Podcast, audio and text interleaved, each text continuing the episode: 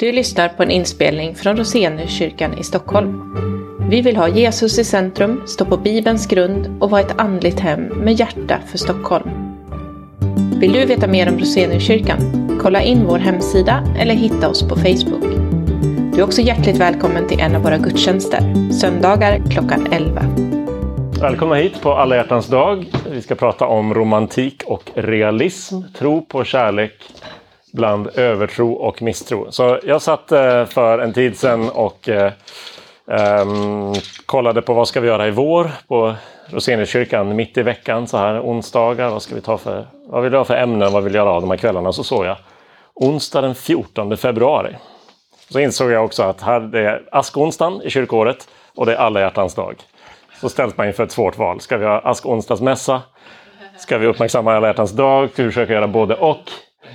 Um, och i år föll valet på att uppmärksamma alla hjärtans dag. Det kändes som att det skulle vara intressant och eh, värdefullt, kanske viktigt till och med, att tänka lite grann kring romantik och alla hjärtans dag. Hur ska man som kristen tänka kring de här frågorna? Och eh, jag eh, tyckte inte alls var självklart att jag eh, är rätt person att prata om det, men eh, å andra sidan nyfiken på att, att försöka eh, göra olika diverse spaningar utifrån vår samtid och Eh, Bibeln och den kristna traditionen eh, runt eh, de här ämnena. Så jag tänkte dela några av dem nu en stund framåt och sen får ni ge reaktioner och reflektioner och frågor efter det och så blir det fika sen.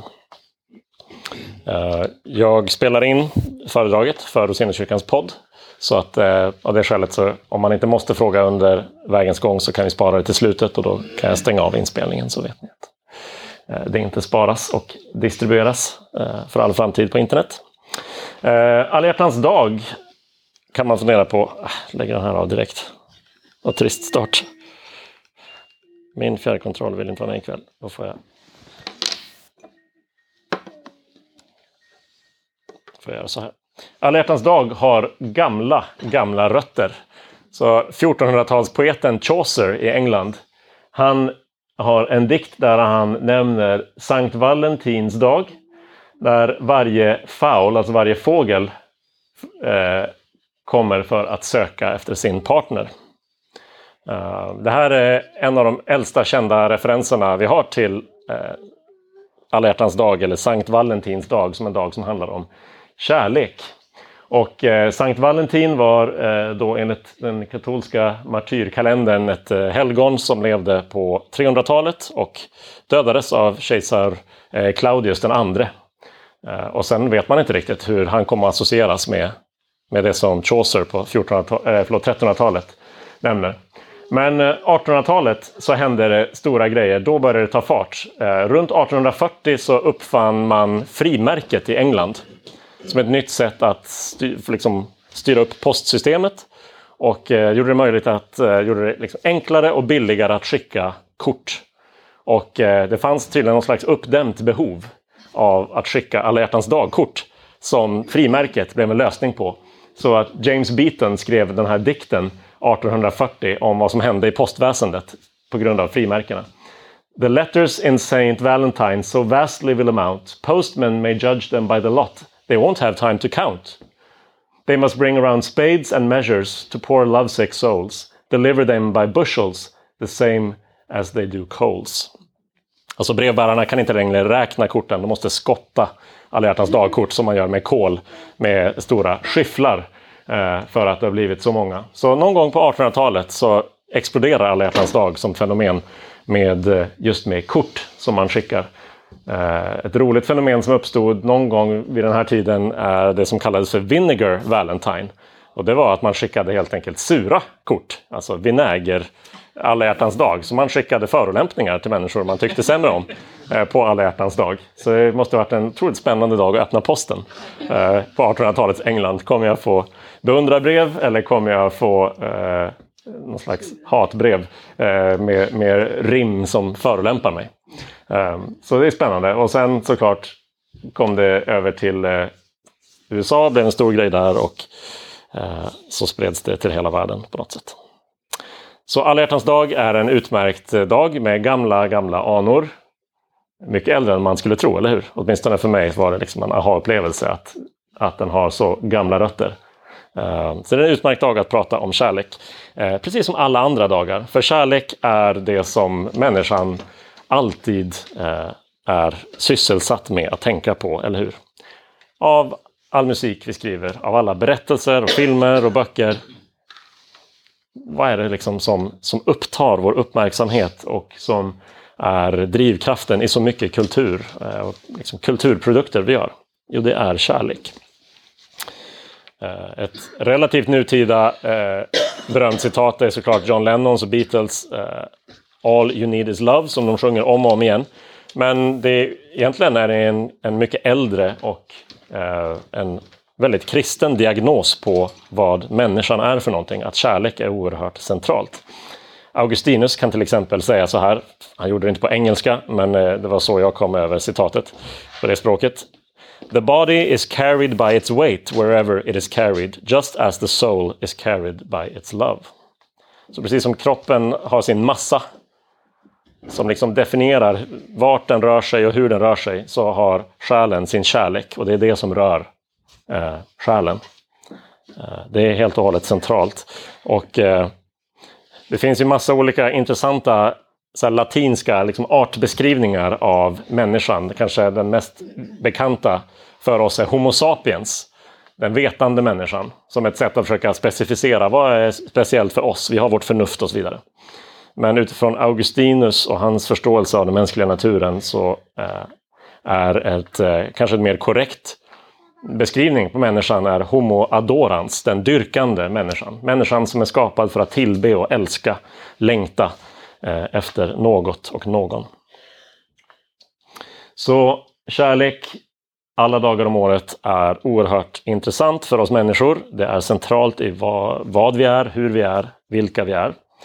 Eh, samtidigt så vårt sätt att tänka kring kärlek är eh, såklart format av vår personliga liksom, unika identitet, inte bara att vi är människor allihopa. Hur vi tänker om kärlek, vilka vilken typ av tonfall eller erfarenheter och förväntningar vi har eh, beror mycket på vår livshistoria. Relationer som eh, vi har haft tidigt med oss i livet eller specifikt kanske romantiska relationer vi har haft eller inte har haft eh, längs vägen.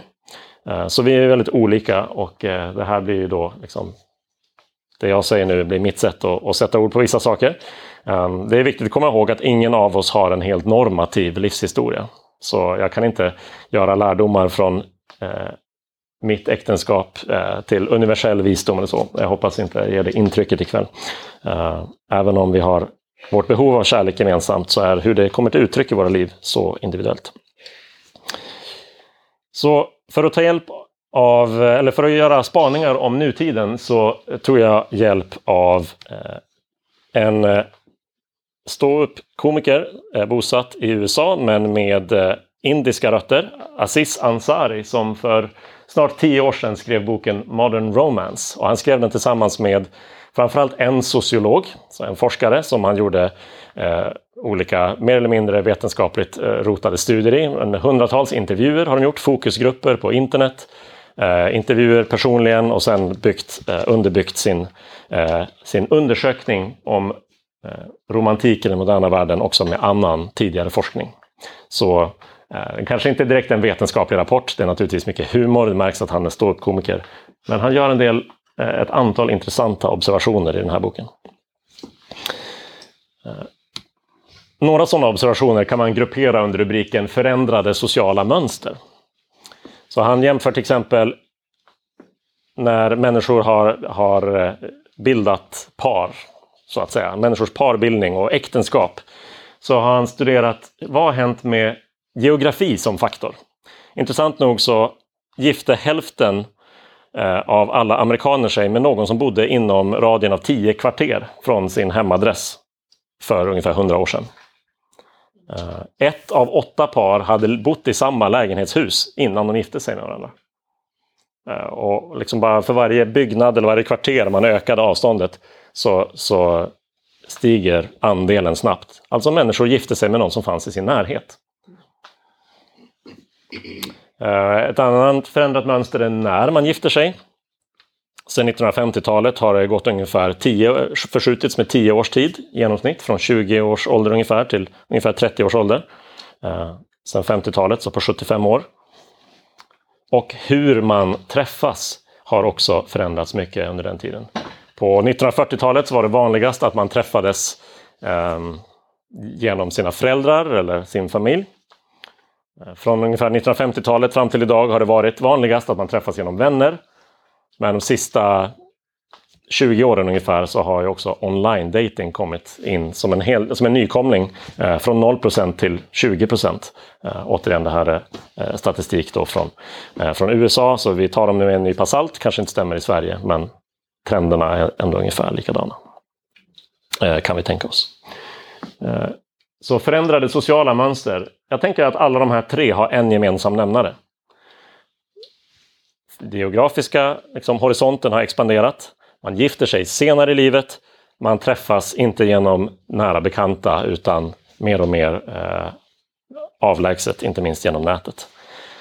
Och den gemensamma nämnaren för de här är att människor har fått vad man skulle kunna kalla för ett större utbud av romantiska partners och att valfrihet är mycket mer centralt i hur människor tänker kring vem är jag intresserad av? Vem vill jag eh, försöka lära känna närmre? Eh, och kanske söka en kärleksrelation till och slutligen kanske äktenskap. Så här beskriver Aziz Ansari det lite skämtsamt. För hundra år sedan hittade eh, folk en hygglig person i sitt närområde. Sen träffades deras familjer och så snart man försäkrat sig om att ingen deras parten verkade vara mördare kunde paret gifta sig och få ett barn, allt innan de var 22 år gamla. Idag spenderar folk åratal av sina liv på jakten efter den perfekta personen, en själsfrände, eller soulmate då på engelska. Redskapen vi använder i vårt sökande är annorlunda, men den största förändringen är vad vi är ute efter. De underliggande målen med själva sökandet. Så det är inte bara det att sociala mönster har ändrats på ett konkret eh, sätt utan han menar, och eh, han gör det med stöd av forskning, att det är en förändrad syn på kärlek och äktenskap som sker samtidigt. Kanske delvis av de här faktorerna på grund av liksom, tillsammans med det ökade utbudet men kanske delvis också av andra eh, faktorer. En sociolog som han pratar med beskriver förändringen i synen på kärlek och, eh, och äktenskap eh, som en, eh, som en, eh, som en eh, utveckling från det han kallar för eh, companionate marriage. Jag kan tänka det som ett eh, livskamratsäktenskap till soulmate marriage, till själsfrände äktenskap. Så det som vi beskrev för, eh, på 1920-talet, för 100 år sedan, när man träffar någon i sin närhet och så säger man okej, okay, den, här, den här personen har inte allt man skulle kunna önska, men det verkar vara en duglig, ofarlig eh, livskamrat som jag kan eh, gifta mig med och så är vi livskamrater. Eh, jämfört med nu så förväntar man sig eh, någon som ska ge något delvis annat och kanske mer, skulle vi kunna säga. En parterapeut, Esther Perel, hon beskriver det så här. Vi kommer till en person och begär av dem vad vi tidigare fick av en hel by. Ge mig tillhörighet, ge mig identitet, ge mig kontinuitet, men ge mig trans transcendens och mystik och hänförelse i samma veva. Ge mig tröst, ge mig spänning, ge mig nyhetens och bekantskapens behag, ge mig förutsägbarhet och överraskning. Så här är förändringar som eh, som har hänt i synen på vad ska en äktenskapspartner eller en romantisk partner erbjuda mig. Och eh, det är en ganska lång lista, ganska rejäl lista. Flera av de här punkterna är svåra nog på sin egen hand. Eh, mystik till exempel, vet jag inte om jag vet inte om jag har en gåva för mystik eh, själv. Men hela listan. Vilken enskild individ kan ge allt detta till någon? Så då kan man fundera på, okej, okay, de här förändringarna, sociala förändringar och på något sätt tankemässiga eller värderingsmässiga förändringar. Har de skett till det bättre, till det sämre eller är det helt enkelt bara annorlunda? Och på ett generellt plan, så när det gäller kulturella trender och förändringar så, så har jag åtminstone personligen, jag tänker att man kan ha goda skäl för, för att börja här. Alltså på ett helhetsplan så ska man inte säga att eh, det var bättre för eller det var sämre för. Men vissa saker kan ha varit enklare, vissa saker kan ha varit svårare eh, nu, eh, jämfört med, då jämfört med nu. Eh, men en av sätten som det här är annorlunda eh, som, som det här annorlunda, den här förändringen eh, ändå har praktiska konsekvenser är enligt Churlin, han som pratade om vi har gått från livskamratsäktenskap till själsfrändeäktenskap. Han konstaterar att det är mycket mer som står på spel nu. Själsfrändeäktenskapet har större potential för lycka. Därför att människor söker efter någon som verkligen matchar dem. Och, och lyckas man hitta det, så menar han åtminstone, så har man större potential för lycka. Men det ger också mycket större potential för besvikelse. För förväntningarna är mycket högre ställda. Och det är mycket mer som står på spel. Jag vill ha ut mycket mer av en kärleksrelation idag än vad eh, människor ville för hundra år sedan. Och, och, därför, med högre förväntningar, så finns såklart större risk för miss, eh, en känsla av misslyckande eller besvikelse. Min egen eh, fundering kring andra trender som händer samtidigt är att vi har gått till en väldigt intern, en väldigt psykologisk förståelse av identitet. Där människor inte definieras utifrån sin plats i samhället eller i en familj lika mycket, utan man, man söker vem man är genom att titta in i sig själv. Vem är jag där på insidan? Vad är det att vara sann mot mig själv och äkta mot mig själv? Och jag skulle säga att bland annat för att vi vänder oss så mycket inåt för att hitta oss själva så är vi mer osäkra än någonsin på vilka vi är. För jag får inget rakt och enkelt svar genom att titta inåt. Vem är jag egentligen? Och, och, man kan fundera på vad händer när människor som är mer osäkra på vilka de är själva samtidigt ska försöka hitta någon som förväntningarna blir högre och högre på. Det blir svårt att, att träffa rätt. Så jag tror att det finns en stor risk för, eh, och ser det i flera av, eh, av eh, ska säga, fynden eller trendspaningarna i den här boken också, eh, ser man en stor eh, potential för en slags dubbelhet i synen på kärlek och romantik. Å ena sidan övertro, å andra sidan misstro. Alltså romantisk idealism och cynism. Romantisk idealism, att tanken att det finns någon där ute för mig, Eh, Mr Right eller Miss Right och träffar jag honom eller henne så kommer jag bli eh, lycklig, då kommer jag få det jag har längtat efter. Eller å andra sidan cynism, det finns ingen eh, för just mig där ute. Och jag tänker att de på många sätt kan vara två sidor av samma mynt. Eller för att ta en annan bild, att de kan fungera som en pendel. Ju mer man svingar pendeln åt ena hållet, ju mer idealistisk man blir i sin tanke om, om kärlek och romantik, desto, desto mer fart får man också åt andra hållet. När man inte möter någon som lever upp till förväntningarna och så blir man cynisk. Och så längtar man tillbaka och så svingas man fram och tillbaka. Jag tror att det är eh, en av effekterna av den här tanken att eh, det finns en själsfrände, det finns en soulmate där ute. En eh, psykolog, eh, en professor i psykologi som har forskat på de psykologiska effekterna av ökad valfrihet, eh, som heter Barry Schwartz, han har sett, eh, han har, har eh, inte minst studerat det på arbetsmarknaden, att när människor söker jobb så finns det två olika typer. Det finns de som är eh, maximerare eller optimerare som letar efter det perfekta jobbet och så finns det de som tänker mer att ett jobb ska vara tillräckligt bra. Och han sa maximerarna för att hitta ett bra jobb, de söker jättemånga jobb eller lär sig om väldigt många olika företag och arbetsplatser. Och det som händer psykologiskt, mentalt när man gör det, säger han, det är att ju mer man känner till alla möjliga olika alternativ, det är att man nästan omedvetet och ofrivilligt skapar en slags sammansatt bild av det bästa i alla de här. Man ser att eh, nummer ett har det här som är bra, nummer två har det här som är bra, nummer tre har det som är bra. Och har man 10-15 olika alternativ så föreställer man sig att det finns något som har alla de här fördelarna. Eh, men det finns inget verkligt alternativ där ute som kan jämföra sig med den här sammansatta bilden. Och därför säger, konstaterar han i sin forskning att de här maximerarna på arbetsmarknaden hade ofta högre lön, eh, hade ofta ett jobb som stämde mer överens med deras specifika kompetens och allting. Men de var mycket osäkrare än eh, tillräckligt braarna på om de var på rätt arbetsplats och de var generellt sett mindre lyckliga på sin arbetsplats. Därför att de jämförde inte med tillräckligt bra, de jämförde med en, en sammansatt bild av, av alla tänkbara fördelar, tänkbara bra sidor som ett jobb kunde ha. Och när han liksom överför det eller tillämpar det på frågan om relationer och par, så säger han hur många personer behöver du träffa innan du vet att du funnit den bästa? Svaret är varenda person som finns. Hur kan du annars veta? Det här är ett recept för fullständig förtvivlan. Så mer valfrihet på många sätt är, eh, det är på sätt och vis något positivt. Men det kan verkligen ha baksidor.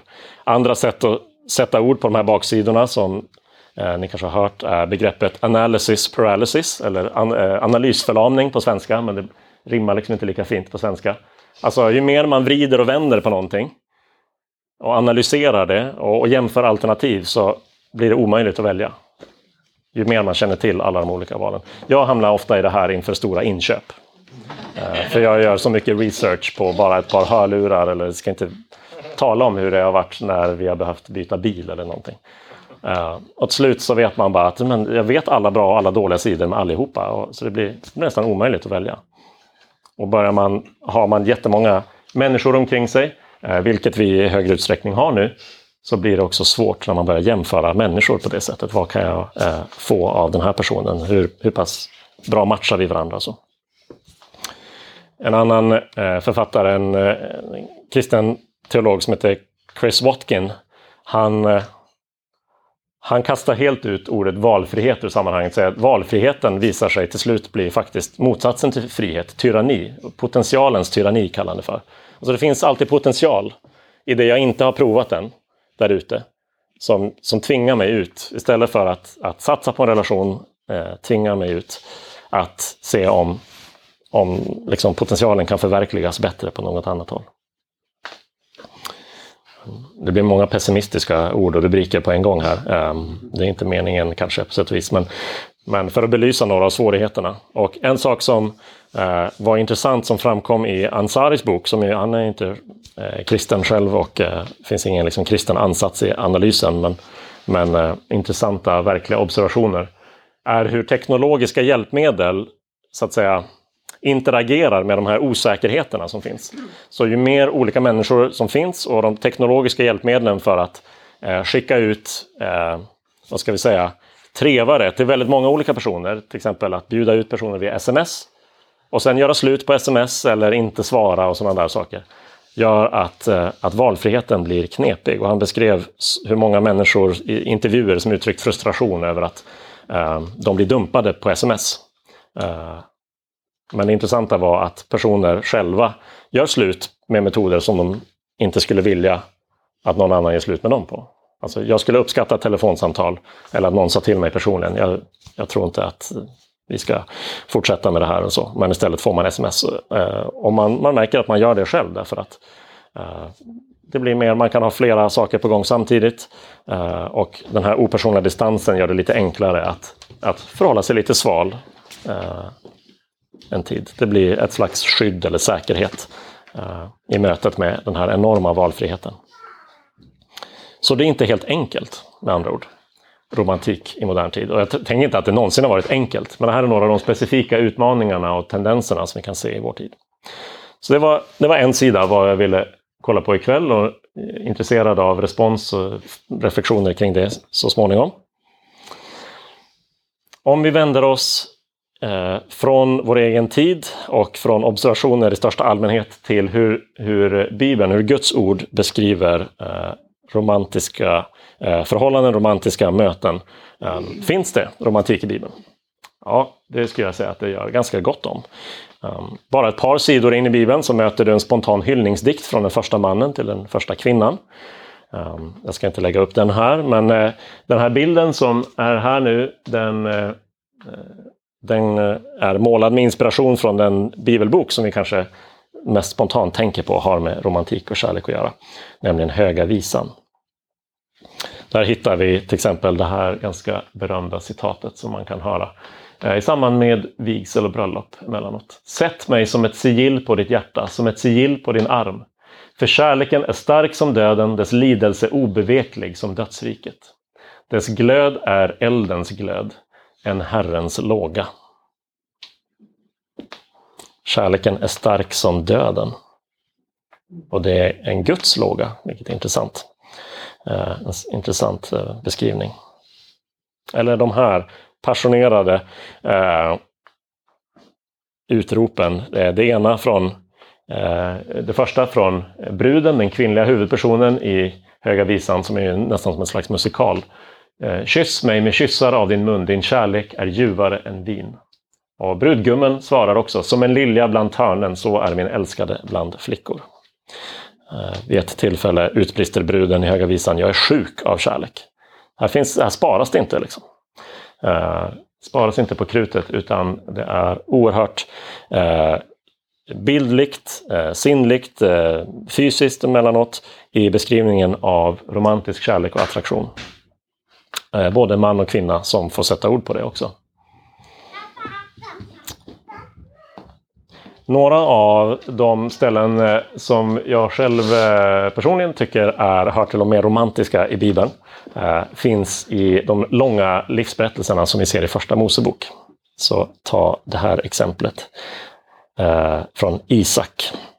Mot kvällen när han, Isak, gick och funderade ute på fältet såg han upp och fick se, fick se kameler komma.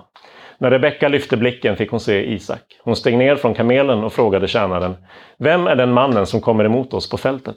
Tjänaren svarade, Det är min herre. Då tog hon sin slöja och dolde sig. Tjänaren berättade för Isak om allt han hade gjort. Sedan förde Isak in henne i sin mor Saras tält och han tog Rebecka till sig. Hon blev hans hustru och han älskade henne. Så blev Isak tröstad i sorgen efter sin mor. Det här är ett ganska ovanligt ord att stöta på i Bibeln, att någon går och funderar. Uh, men är, han, han, går och sörjer och grubblar. Han, han har förlorat sin mamma. Uh, han känner sig antagligen uh, ensam och tom. och så möter han sin hustru. Han älskar henne och han finner tröst i henne. Tycker jag är oerhört vackert. och bara en generation senare kan vi läsa den här versen om hur Jakob arbetar i sju år för Rakel. Men för honom var det som bara några dagar eftersom han älskade henne. Vilken otroligt vacker och stark beskrivning av eh, romantisk kärlek. Eh, andra exempel vi skulle jag tänka på är Rut och Boas. Eh, jag vet inte, är det något, något mer? Vi kan fundera på det se om vi vill komplettera. Kanske Hanna och Elkana. Hanna och Elkana är väldigt vackert. Mm. Um, mm. Samtidigt vet vi, om vi tänker efter, att både Isak och Jakobs oerhört romantiska episoder är inramade av en hel massa Eh, ja, realism, eller röra eh, rent av.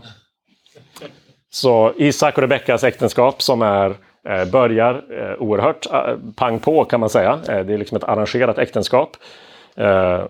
Och det börjar med mycket kärlek eh, och, eh, och eh, romantik. Bara ett eller två kapitel senare så kan vi läsa om hur en person, Abimelek, råkar komma på Isak och Rebecka med att kela ute på en åker. Så de har fortfarande vid det laget mycket liksom, passion i sitt äktenskap. Men vi vet också vad som händer längre fram i deras liv. Isak älskade Esau eftersom han hade smak för vilt, men Rebecka älskade Jakob. Då är det inte längre Rebecka och Isak vända, eh, att de är vända mot varandra fast i, i en annan bemärkelse. Nu, nu är de, har de nästan blivit motståndare. De allierar sig med varsin tvillingson. Och det finns splittring i deras äktenskap. Och, eh, på den här tavlan, jag skrev inte ner nu vem som har målat den här, när, när Jakob lurar sin far eh, Isak så ser man i bakgrunden Rebecka som är den som har konspirerat ihop allting.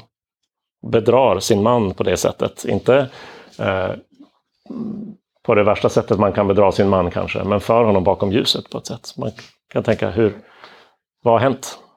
Bibelns eh, berättelser ger, eh, de är ganska sparsamma, berättelserna i Första Mosebok. Så vi får detaljer om personer emellanåt, men ibland så är det mycket tystnad och man kan bara undra, vad har hänt med deras äktenskap? Det började så bra, började så vackert. Hur har de blivit splittrade på det här sättet? Utifrån eh, en biblisk människosyn och förståelse av kärlek, informerad av också liksom den kristna eh, teologin genom historien, så finns det några saker vi kan lägga till av liksom Bibelns eh, utan att ta bort det positiva i romantik och det vackra som Bibeln beskriver som en Guds gåva, eh, så kan vi bidra med realism genom att ifrågasätta sådana saker som myten om själsfränden. Ett av orden som eh, används när man beskriver människor, eh, deras romantiska potential eh, och kan det här vara min själsfrände är hur pass kompatibel man är med varandra. Um, och eh, på bilden ser vi en, en USB-kontakt, vilket ju är ett ständigt bekymmer i den moderna tiden, att försöka hitta eh, en kompatibel eh, kontakt eh, och hitta rätt eh, som passar till det man ska ha den till. Och här tänker jag att som kristna så, så borde vi, borde vi tror jag, ha, en, ha någon slags förväntan eller inställning om att det finns en gräns för hur kompatibla två syndare kan vara med varandra. Alltså den här kontakten, om den representerar en person, är skadad, den är trasig. Eh, den är inte bara en specifik form eller ett specifikt syfte, alltså den är inte bara olik vissa andra i hur vi är designade och att vi människor är skapade olika och att det är något positivt, utan var och en av oss är en skadad version av oss själva. Eh, synden har gjort att vi inte eh, älskar som vi borde och eh, vi bär med oss sår från tidigare erfarenheter där vi har svikit och inte fått den kärlek vi har behövt från föräldrar eller från tidigare ehm, partners eller från vänner eller så. så. Hur kompatibla kan vi vara med varandra om vi är märkta av sår och synd? Ja, det finns en gräns för vad vi kan förvänta oss på förhand, hur kompatibla vi kan vara.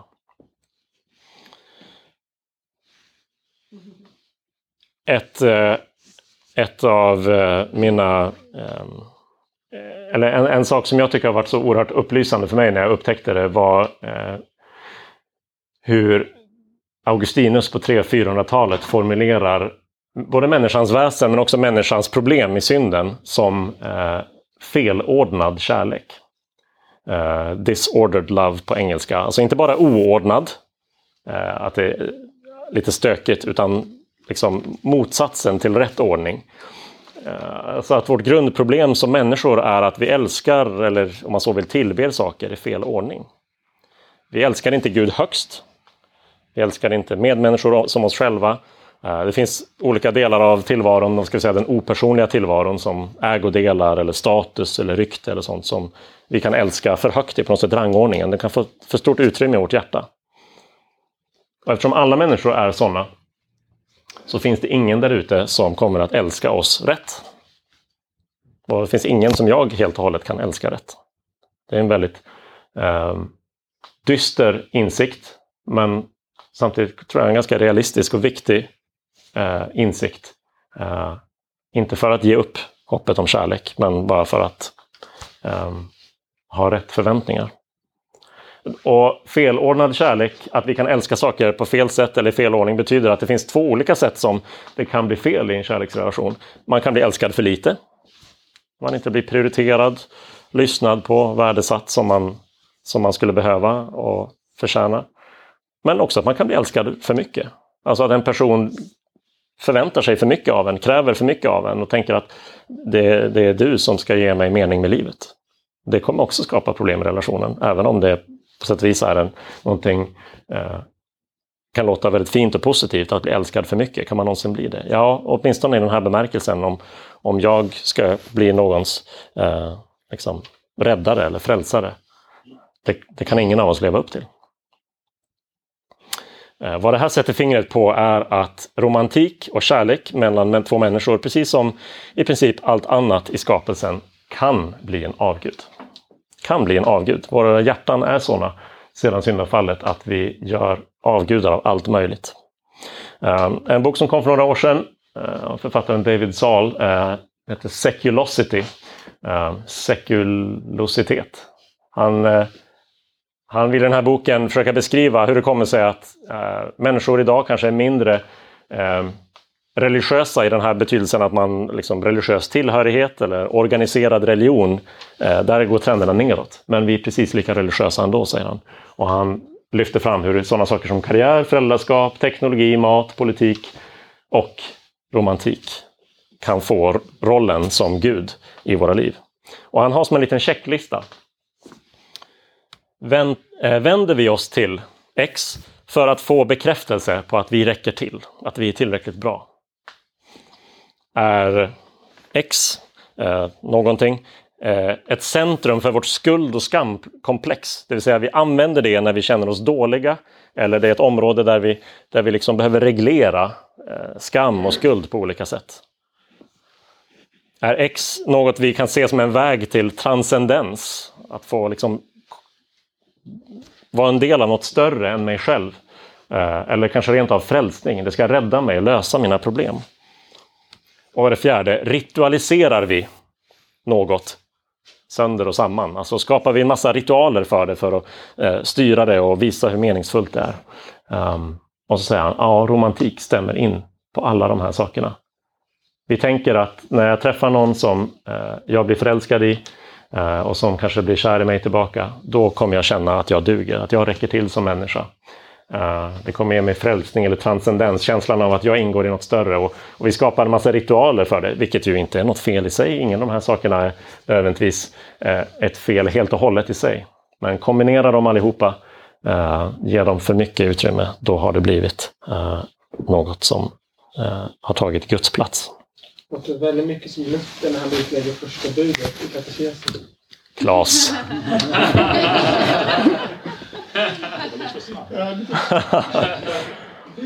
ja, eller hur? Det låter väldigt mycket som Luther.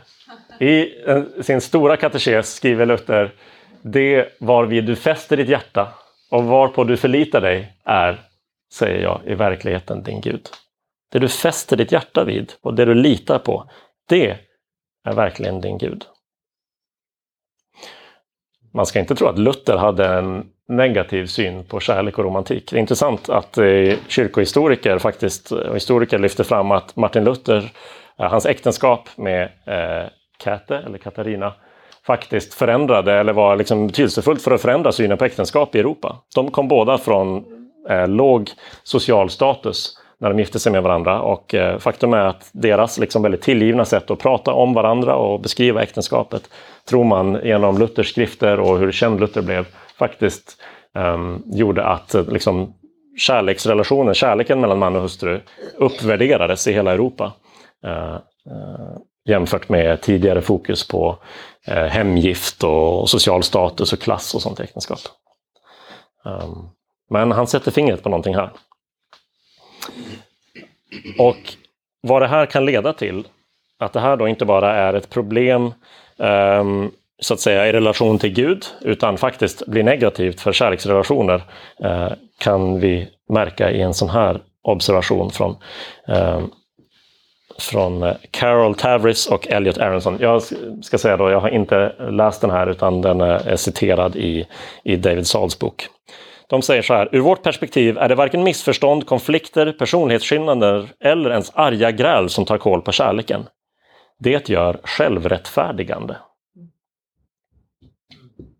Det är också en väldigt luthersk diagnos på vad är det som händer när äktenskap eller relationer går snett. Jo, säger de, det är inte konflikter eller att man är, eh, har personlighetsskillnader, att man på något sätt är inkompatibla med varandra, utan det är när man behöver rättfärdiga sig själv eller börja rättfärdiga sig själv i relation till den andra. Det vill säga, eh, med den här checklistan när man börjar söka i sitt äktenskap, eh, i sin relation efter en lösning på sitt, skall, eh, sitt skuld och skamkomplex.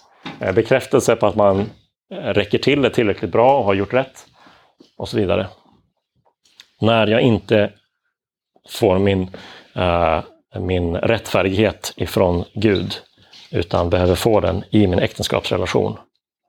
Och när det börjar vändas mot partnern så att man rättfärdigar sig själv gentemot den andra, då är det fara och färde, säger de.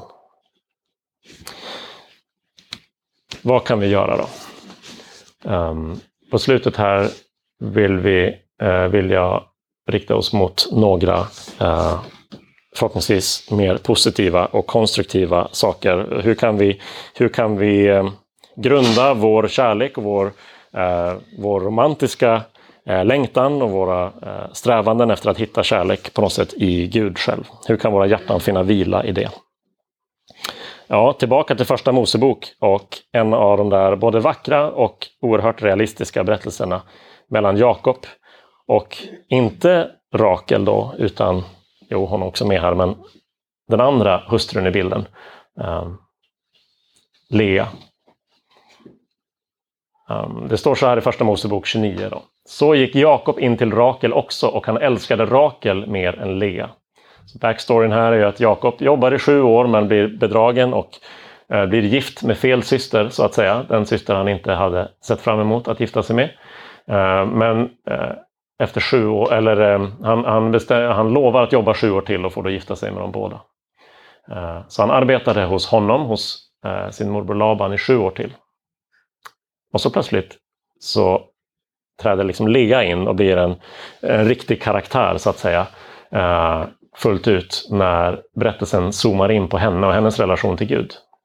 När Herren såg att Lea inte var älskad gjorde han henne fruktsam medan Rakel var ofruktsam.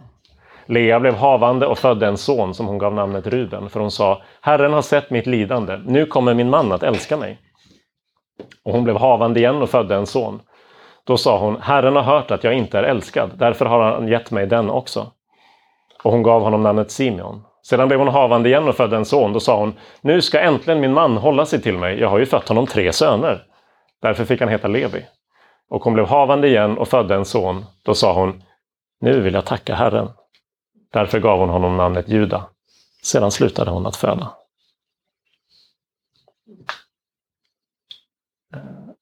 Startpunkten för Lea är att hon längtar efter kärlek men hennes man ger inte den till henne. Eh, hon, hon vet att hon är mindre älskad än hennes syster. Och det fantastiska är att det står Herren såg att Lea inte var älskad. Hur rörande är inte det? Hur vackert är inte det? När vi längtar efter kärlek, eh, oavsett om vi är i en relation där vi kan förvänta oss det eller om vi är i en situation där vi helt enkelt inte har hittat någon. Herren såg att Lea inte var älskad. Oerhört mycket tröst i det. Det är startpunkten. Sen ser vi flera hållplatser på vägen när, när Lea å ena sidan uttrycker tro och tillit till Gud. Och hon tänker att Gud är god. Gud kommer ge mig det jag längtar efter. Nämligen kärlek från min man. Det är bra att Lea hoppas på Gud. Att hon litar på att Gud ser hennes behov och hennes längtan och att Gud vill hjälpa henne med det.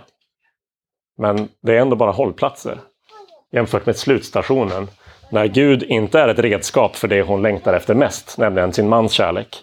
Utan när hon får sin fjärde son och helt enkelt låter Gud vara svaret på hennes längtan. Istället för ett redskap för det hon djupast sett längtar efter. Så då tackar hon Herren och sen slutar hon föda. En fascinerande berättelse som inte ger oss eh, jättemycket detaljer men som visar eh, en startpunkt att Gud ser längtan efter kärlek. Hållplatserna där vi, där vi vänder oss till Gud och säger Åh Gud, ge mig den kärlek jag längtar efter. Låt mig träffa någon eller låt någon person kunna ge mig det. Och slutmålet, där Gud själv är längtans svar. Profeten Jesaja i ett, en av, eh, ett av orden, ett av synerna han förmedlar från, från Gud säger För han som skapat dig är din man, Herren Sebaot är hans namn. Bibeln presenterar, I Bibeln presenterar Gud sig gång på gång som make till sitt folk, till eh, de som tror på honom. Och utifrån det så kan det faktiskt finnas en slags gåva i romantisk besvikelse. Det kan vara en bra början på väg mot en djupare kärlek. Och jag tänker att en kristen behöver egentligen aldrig tappa tron på kärleken. Så man kan komma till en punkt där man kanske inte längre förväntar sig äktenskaplig lycka. Utanför ett äktenskap eller i ett äktenskap kan man komma till en sån punkt där man inser att eh, här kommer jag inte få den kärlek jag längtar efter. Och det kommer vara smärtsamt eh, oavsett om det är för att man är ofrivilligt ensamstående eller för att man är gift men äktenskapet inte har blivit som man hade hoppats. Så kommer det vara väldigt smärtsamt. Men det kommer ändå, tänker jag mig, för en kristen att vara annorlunda än för en icke-kristen. För det innebär inte att jag slutar tro på kärleken. Det är den mäktigaste kraften i universum. Och den Gud som har skapat allting är eh, vår make. Guds kärlek i Bibeln är mer än romantisk. Men den är inte mindre än romantisk. Gud är svartsjuk i Bibeln. Man kan tycka att det låter ovärdigt för universums skapare att vara svartsjuk, men, eh, men vad underbart att Gud bryr sig om oss så mycket, är så passionerat överlåten till eh, det folk och de människor som han har skapat och frälst, att han faktiskt är svartsjuk. Han bryr sig om ifall de ger ett gensvar på hans kärlek. Gud är självuppoffrande. Och Gud visar oss den största kärleken. Ingen har större kärlek än att han eh, visar oss den största vänskapen. Ingen eh, har större kärlek än, att han ger, än den som ger sitt liv för sina vänner, säger Jesus. Så oavsett om vi eh, längtar efter eller söker efter eh, det man ibland brukar kalla för eros, den, den eh, liksom romantiska kärleken om vi så vill, eller erotiska kärleken, eller agape, den tjänande, självuppoffrande, eller filia, vänskapen, eh, kamratskapen, så visar Gud upp alla de kvaliteterna, alla de sätten att relatera till oss. Han ger oss eh, kärlek på många olika sätt. Så därför så kan vi konstatera att mitt eller ditt civilstånd definierar inte vem jag är. Inte det första eller mest centrala av mig, om jag är singel eller gift. Det definierar inte om jag är älskvärd. Det definierar inte min möjlighet att leva ett gott liv. Jag har sagt, sagt det förut, återkommer till det då och då när man tänker på det här med ett gott liv. Alltså att vi måste vi måste ha en bild eller en definition av det goda livet i vårt huvud som ger plats för Jesus och, och, och Paulus. Men framförallt Jesus som verkligen levde ett, ett, ett gott liv. Men tänk på Jesus, vår Herre och Frälsare och, och eh, Paulus som en av de viktigaste ledarna i den tidiga kyrkan. Eh, singlar. Meningsfulla liv.